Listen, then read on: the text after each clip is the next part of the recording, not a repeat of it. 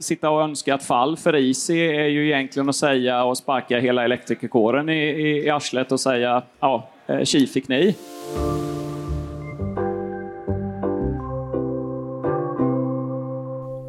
Du lyssnar på Elinstallarpodden, ett program från tidningen Elinstallatören. Jag heter Henrik Sannesson. Det här är ett samtal inspelat från stora scenen på Elfack. Du kommer också höra Sofie Båtmästar på Elinstallatören, Reine Lönn, affärsområdeschef laddinfrastruktur på Eldon och Nils Fredin, VD för Skårebo.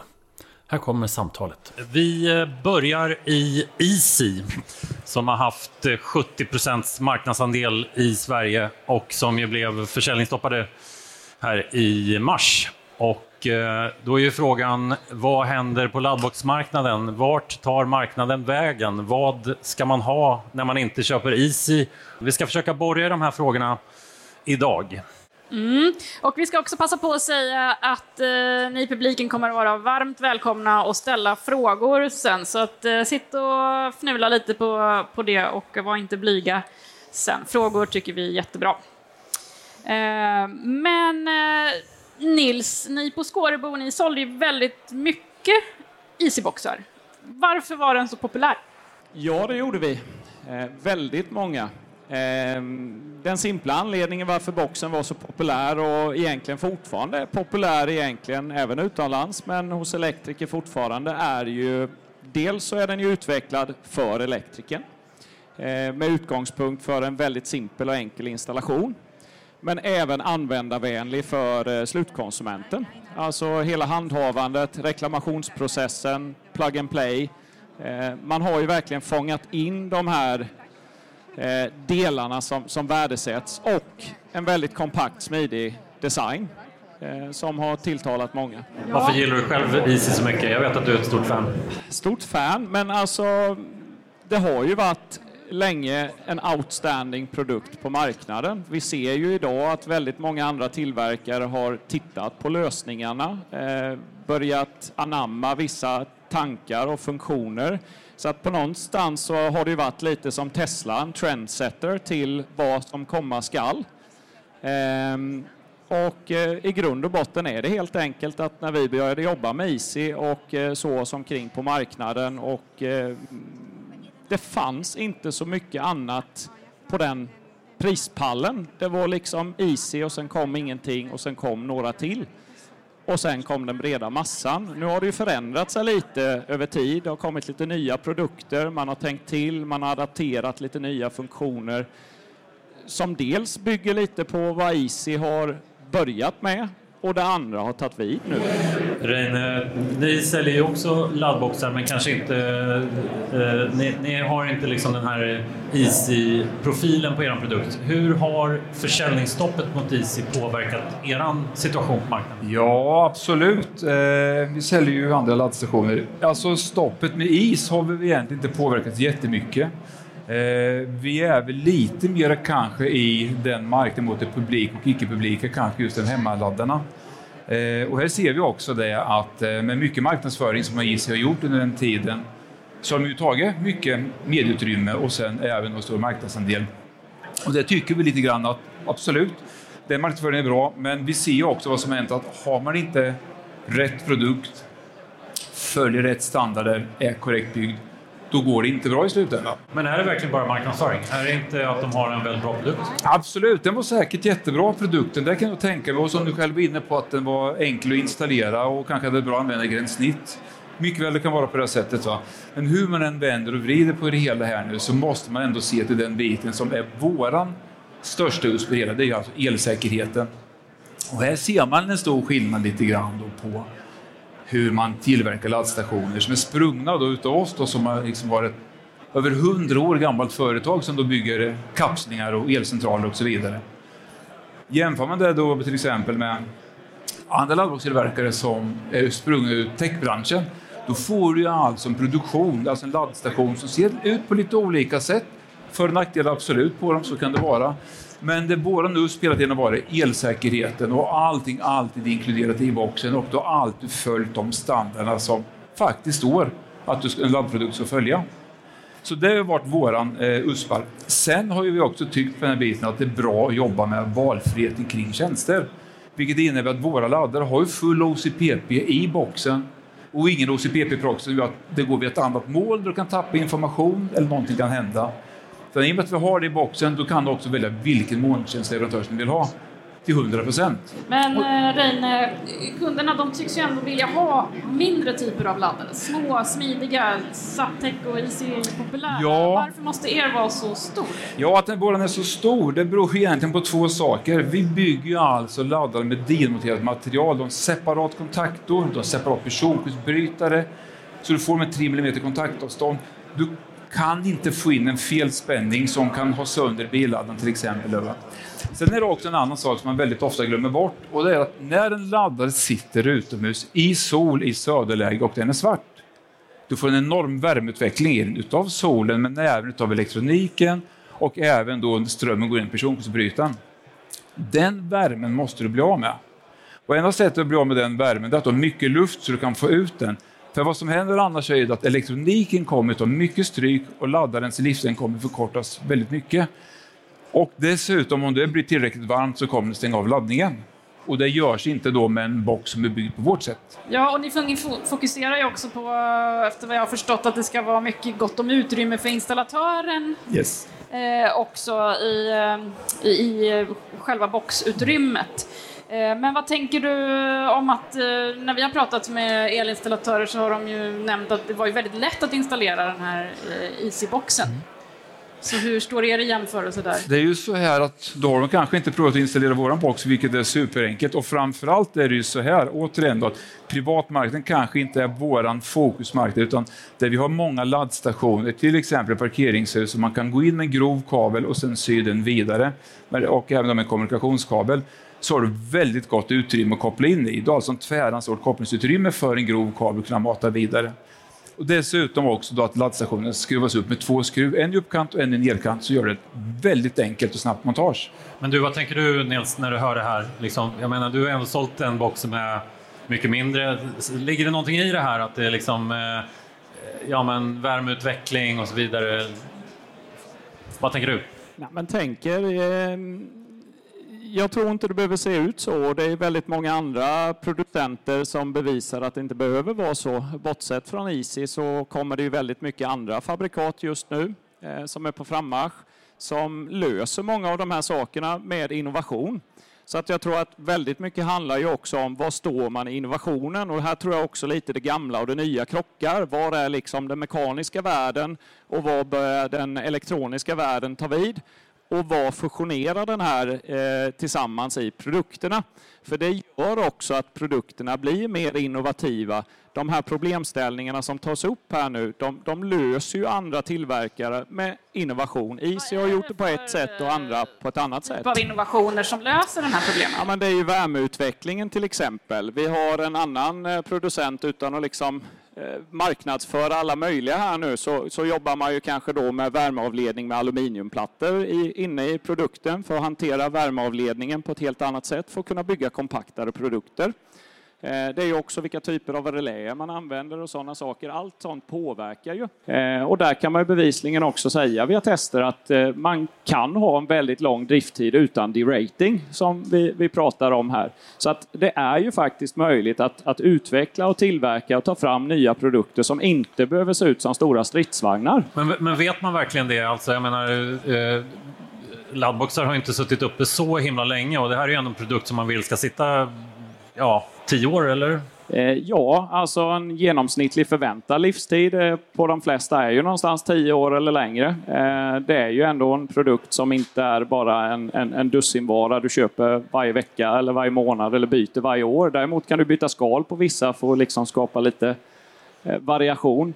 Men jag tror nog också att de flesta tillverkare testar idelt och att man faktiskt bygger sin box för att kunna sitta så länge som möjligt och, och, klara alla de här eh, kraven som, som ställs på laddboxarna. Vad tänker du om det Reine, med de här moderna innovationerna för värme? Ja, alltså modern innovation, det är jättebra. Man måste ändå se saker och ting i ett perspektiv att jag har hållit på och jobbat med laddstationer i tio år.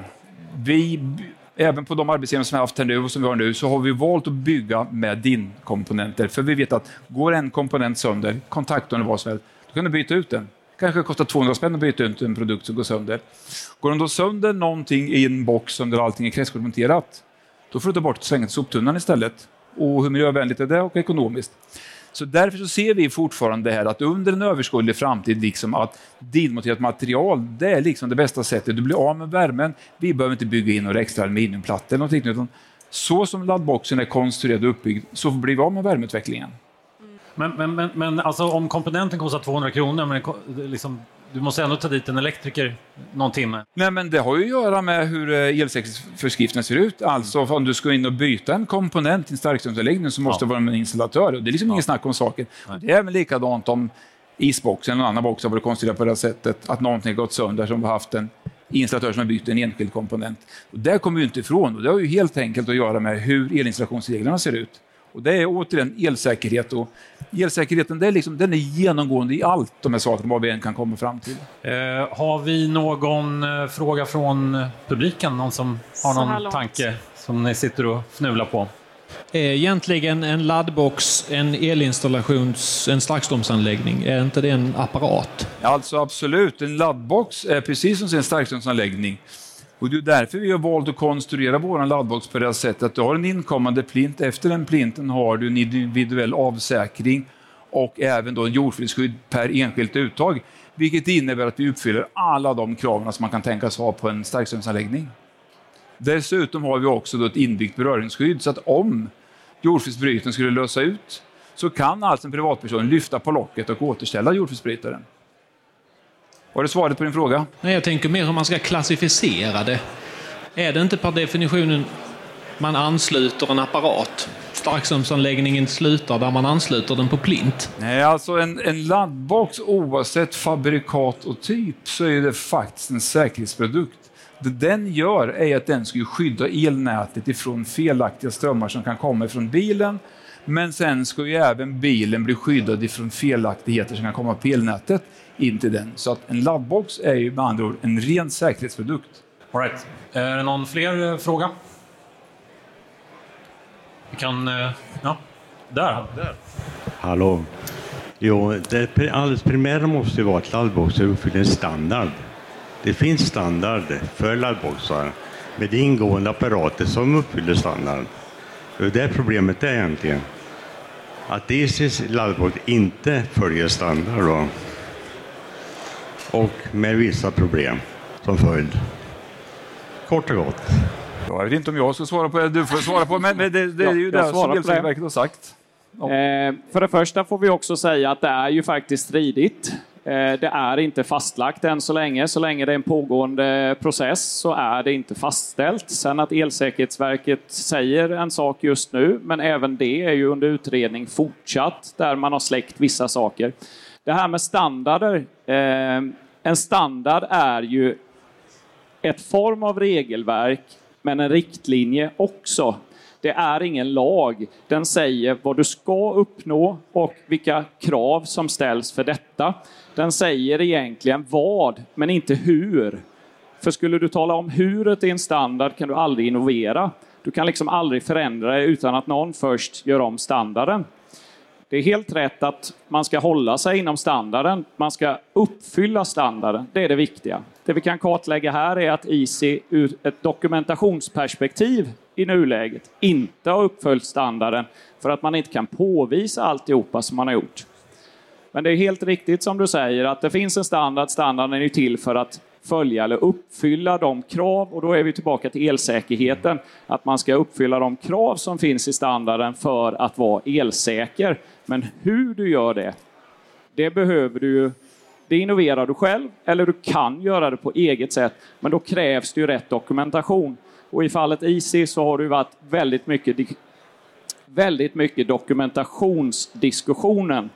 Eh, för det faktum är ju att det finns flera saker i det här som inte utgör en stridighet mot standarden egentligen. Det är bara det att man inte har haft rätt dokumentation vid rätt tillfälle för att kunna verifiera att man följer den standarden eller uppfyller kraven i standarden. Det där är ju inte riktigt helt sant. Den har ju fel brister än så, men det kanske vi inte ska fördjupa oss här och nu på det sättet. Utan återigen tillbaka till att det finns en standard och bygger man produkter utifrån dem och man testar dem utifrån standarderna, då hamnar man inte i en sån här situation som IS har gjort till exempel. Det är så himla enkelt.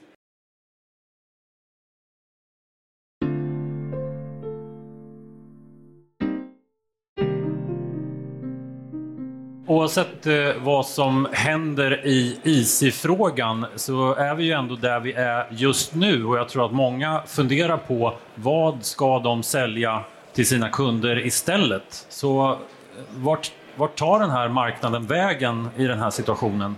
Nils? Ja, marknaden söker ju vägar hela tiden och det gör ju många producenter också med nya produkter. Eh, Eldon är ju en annan producent av laddboxar så många söker ju nya vägar. Eh, marknaden växer fortsatt. Eh, det vi ser framför allt är ju flerbostadshus, fastighetsägare som börjar få tryck på sig. Så att eh, vi har ju ingen degraderande marknad utan snarare en tillväxt i marknaden som just nu skapar ett bekymmer framförallt i den svenska marknaden. Där har vi haft en väldigt stor andel försäljning Easy. Den är borta. Eh, och det innebär ju också att vi har ett stort gap och ett stort hål som ska fyllas av alla de här andra tillverkarna som finns tillgängliga. Och det mäktar vi inte riktigt med just nu. Så att just nu är det väldigt långa ledtider. Det är väldigt många kunder som får vänta. Men förhoppningsvis över tid här så kommer det rätta till sig. Eh, och om jag fick önska så fyller Easy en del av det fältet ändå här ganska snart. Hur ligger landet just nu då med, med, med Easy? Var, var är någonstans i dokumentationsdiskussionen? Eh, väldigt långt skulle jag vilja säga. Jag, jag, får inte säga mer än så, även om jag kanske kan säga mer, men eh, väldigt långt. Och eh, jag tror att man kan förvänta sig ganska mycket, vad ska man säga, revealment eh, inom kort tid och eh, ny produkt är ju på gång också. Okej. Okay. Vad, hur, hur, vad är det som är nytt då? Eh, om vi säger som så, om dokumentation är det enda som är problemet så kanske det inte är så mycket som är nytt. Ja, Intressant. Vad, vad tror du att det skulle få för konsekvenser om de nu ändå skulle misslyckas här? Ja, om de skulle misslyckas. Alltså, jag har beskrivit det till alla våra kunder att det är ett korthus. Eh, drar du ner den eh, understa kortet så faller korthuset. Så att eh, korten på bordet så sitter alla i samma båt. Så att eh, sitta och önska ett fall för Easy är ju egentligen att säga och sparka hela elektrikerkåren i, i, i arslet och säga ja, eh, tji fick ni. Eh, det är ju ungefär som att säga till alla företag som har tjänstebilar hos Volvo, Volvo ska dra tillbaka alla bilar. Då har vi inga bilar att köra i Sverige. Eh, men det är där vi står, den krassa sanningen. Ja.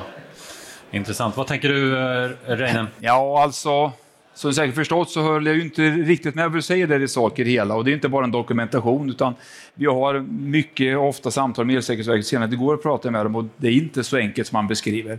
Det är inte bara dokumentation. Easyboxen har allvarliga brister som man inte kan komma till rätta med bara dokumentation. Så är det bara oavsett vad olika personer tycker och tänker om sakerna. Eh, där du säger att man sparkar undan en hel elektrikerkår för att is försvinner. Ah, det tror jag inte riktigt på. Det finns ju andra laddboxfabrikat. Vi är ett av dem. Det finns många andra också i det hela.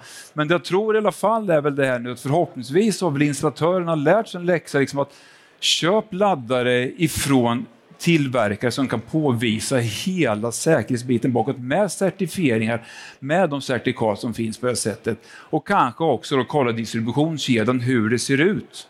Det är väl de sakerna som jag vill trycka på. Sen har jag mina personliga åsikter om många av de här grejerna, men det är nog bäst att hålla dem för mig själv, tror jag. Jag skulle vilja säga att det positiva i hela det här, det är ju faktiskt att det belys. Det har ju både Easy och tycker vi och många andra också, att det positiva är ju att man faktiskt gör det här. Det märkliga är ju snarare som så att Laddboxar har funnits ganska länge i Norge, men där har man än så länge inte ens gjort någon utredning och i Sverige gjorde man utredningen först, började förra året. Så det märkliga är ju också i, i det här att man inte har påbörjat det tidigare.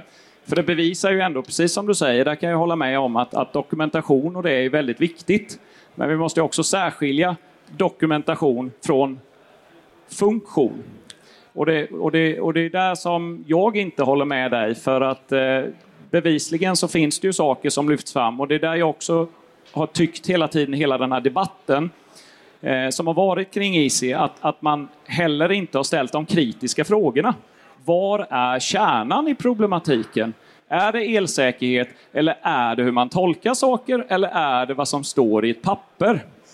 Den frågan tycker jag aldrig har debatterats och därför är det alldeles för enkelt att säga att allting beror på elsäkerhet. För vad är elsäkerhet egentligen? Är det att en produkt sitter uppe, fungerar utan problem eller att det rent teoretiskt någonstans någon gång skulle kunna ske ett fel?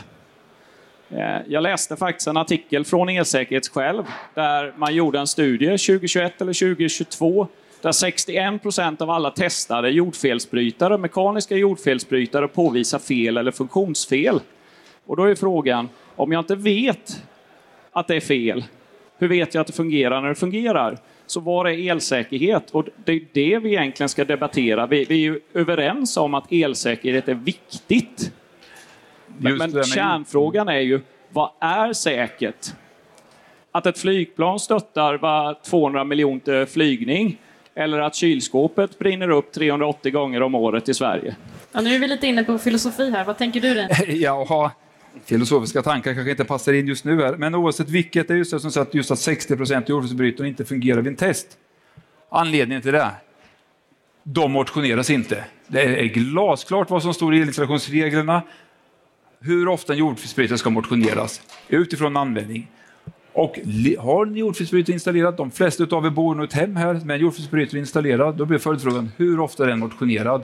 Och det är också en viktig del i det hela i våra installationsmanualer på sista sidan att följ den där installationsmanualen, gör de här sakerna 1, 2, 3, 4 och 5 så kommer du ha en extremt välfungerande anläggning. Men skiter du i att motionera jordfelsbrytare oavsett om det är en laddbox eller om det är hemmet så kommer den att sluta fungera.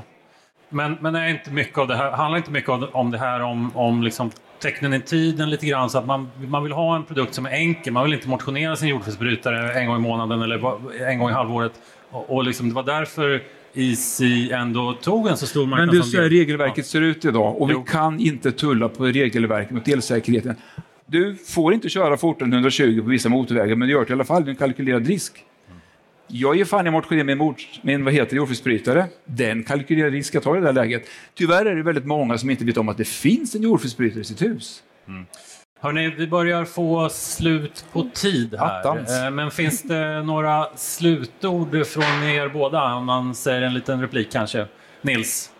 Har du någonting att säga i frågan? Vart, vart vi är på väg? Ja, men vart vi är på väg, alltså det är ju tydligt det vi säger att innovation måste fram. Eh, att, att lägga skulden på slutanvändaren och hela trycket på slutanvändaren. Det blir mer och mer komplexa produkter, både för installatören och för slutanvändaren. Och om vi slutar innovera och, och, och, fortsätter att hålla oss liksom i det gamla så kommer vi ju inte kunna bygga bort potentiella felkällor. Så att jag uppmanar alla tillverkare att fortsätta innovera, fortsätta pusha gränserna inom de ramar och regelverk som finns. right. Reine, har du något kort? Ja, väldigt kort, men det är ju som sagt var att elsäkerheten är ju den, den är ju 100% i fokus alltid. För att om vi tittar på en laddbox i ett hem, den kan ge upp till 11 kilowatt. 11 eh, kilowatt, en otrolig mängd värme om det blir felaktigt och det kan väldigt enkelt ta börja brinna eller att du faktiskt kan råka ut för en allvarlig personskada. Så att elsäkerheten, och självklart vi är också på innovationsspåret, men vi gör det inte på bekostnad av de regler som finns idag. Ja. Det var det var det vi hann med. Det var det vi hann med. Det var det vi hann med. Ja, för att spännande ni, att eh, höra kom, eh, era kom olika hit. åsikter här. Tack. Tack så mycket. Ja, men tack själva. Och tack till publiken. Ja. Där lämnar vi elfack för den här gången. Ni har hört Reine Lönn, Nils Fredin, Sofie Båtmästare och jag som heter Henrik Sannesson. Vill du sponsra Elinstallatpodden? Mejla ivans elinstallatoren.se Följ oss gärna i din poddtjänst så missar du inte våra nya avsnitt. Hej då!